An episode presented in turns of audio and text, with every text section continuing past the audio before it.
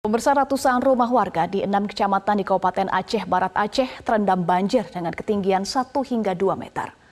Banjir yang disebabkan meluapnya daerah aliran sungai Merobo ini membuat petugas BPBD Aceh Barat dan tim SAR Pos Melabo terpaksa mengungsikan warga ke tempat yang lebih aman. 20 kepala keluarga di desa Menasah Rambut Kecamatan Kawai 16, Kabupaten Aceh Barat Aceh dievakuasi oleh tim BPBD dan tim SAR Pos Mulaboh menggunakan dua perahu karet. Banjir melanda enam kecamatan, yakni Kecamatan Pantai Cermen, Kawai 16, Pantonre, Woyla Timur, Woyla Barat, dan Woyla Induk. Akibat intensitas hujan yang tinggi sejak tiga hari terakhir.